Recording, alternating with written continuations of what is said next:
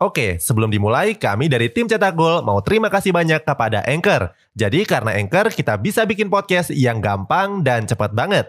Mulai dari edit sampai share dan publish di banyak platform. Mulai dari Spotify, Apple Podcast, sampai platform podcast lainnya. Aplikasi Anchor ini gratis, bisa di-download di App Store dan Play Store, atau kamu juga bisa akses di website www.anchor.fm.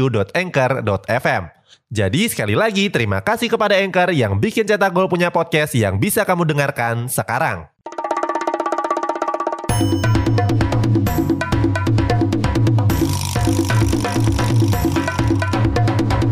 Kini Podcast Network. Teka-teki pemilik baru Chelsea kini sudah terungkap.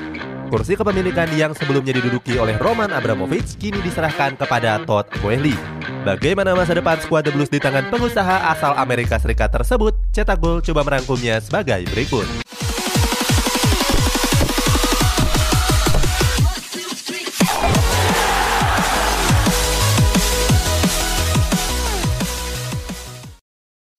Sosok Todd Boehly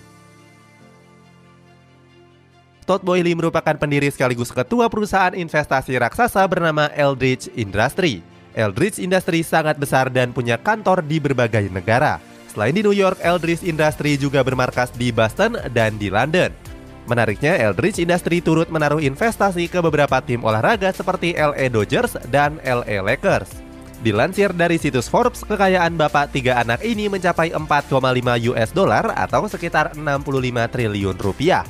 Boehly sendiri sebenarnya sudah berniat untuk membeli Chelsea sejak tahun 2019 yang lalu. Sayangnya tawaran yang diberikan itu ditolak mentah-mentah oleh Abramovich. Siapa sangka kini Roman Abramovich justru menyerahkan klub kesayangannya itu kepada Boehly. Kalahkan berbagai kandidat kuat. Terpilihnya Boehly sebagai pemimpin baru Chelsea otomatis menggugurkan kandidat-kandidat yang lain. Sebelumnya ada Nick Candy dan Woody Johnson yang tersingkir terlebih dahulu. Berikutnya ada nama-nama seperti Stephen Pagliuca, Martin Brockton, dan Jim Ratcliffe.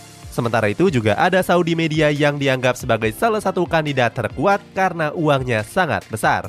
Sayangnya konsorsium yang dipimpin oleh Mohamed Al-Kereji ini dicoret dari daftar penawar. Hal ini cukup membingungkan bagi para netizen sepak bola dunia. Alasannya Saudi Media merupakan kandidat favorit yang memberikan penawaran tertinggi. Setelah dicoret, Saudi Media pun menyampaikan kekecewaannya. Mereka merasa diperlakukan gak adil karena dicoret begitu saja tanpa alasan. Padahal seandainya akuisisi ini terwujud, bukan gak mungkin kalau Chelsea akan merekrut banyak pemain-pemain bintang kelas dunia. Hal ini tentu jadi modal yang penting untuk merebut juara di musim berikutnya. Apalagi Chelsea sedang mengalami penurunan performa sejak mendapatkan sanksi dari pemerintah Inggris.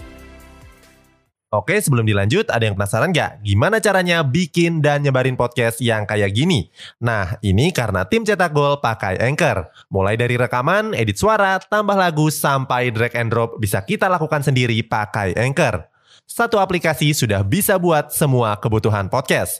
Bisa di-download di App Store dan Play Store atau bisa juga diakses di website www.anchor.fm. Bisa di-download dari App Store dan Play Store atau bisa juga diakses dari website www.anchor.fm. Terus yang terpenting Anchor ini gratis. Download dan coba sendiri setelah tonton episode ini. Punya klausul anti glazer. Setelah resmi mengakuisisi Chelsea, Todd Boehly memiliki klausul yang cukup unik yakni klausul anti-glazer di dalam kontraknya. Hal ini diambil dengan tujuan untuk menjaga stabilitas klub. Mendengar kabar tersebut membuat para fans Chelsea merasa lega. Alasannya karena mereka menganggap kalau Chelsea akan tetap berada di orang yang tepat. Mereka nggak mau kalau skuad The Blues hancur seperti Manchester United yang saat ini dikelola oleh keluarga Glazer. Sebagai informasi, keluarga Glazer mengambil banyak sekali keuntungan dari Manchester United, bahkan menempatkan hutang pribadinya ke dalam hutang Manchester United. Bisa belanja besar-besaran. Boehly langsung dihadapkan dengan skuad The Blues yang mulai pincang. Sebelumnya ada Antonio Rudiger yang hengkang ke Real Madrid dan Andreas Christensen yang menuju Barcelona. Keduanya hengkang setelah gagal mencapai kesepakatan perpanjangan kontrak. Selain Rudiger dan Christensen, Chelsea juga terancam kehilangan sejumlah pemain. Mereka adalah Romelu Lukaku, Jorginho, Ruben Loftus-Cheek, Kepa Arrizabalaga, Marcos Alonso, Hakim Ziyech, dan Timo Werner. Beberapa di antaranya bahkan sudah diincar oleh klub lain, termasuk Jorginho dan Hakim Ziyech yang sudah dibidik oleh raksasa Serie A yakni AC Milan. Sementara itu, pelatih Chelsea Thomas Tuchel sudah punya tiga pemain incaran yang lainnya. Mereka adalah Usman Dembele, Bubakar Kamara, dan bintang Argentina Paulo Dybala. Walaupun begitu, Chelsea harus bergegas karena ketiganya juga diminati oleh klub-klub ternama. Prospek ke depannya Dilansir dari situs resmi Chelsea, Boehly menginvestasikan dana sebesar 1,75 miliar euro atau sekitar 26 triliun rupiah. Dana tersebut bakal dipakai untuk berbagai hal, mulai dari pembangunan infrastruktur stadion, sarana latihan, pengembangan pemain muda, pengembangan pemain akademi, dan pengembangan pemain putri.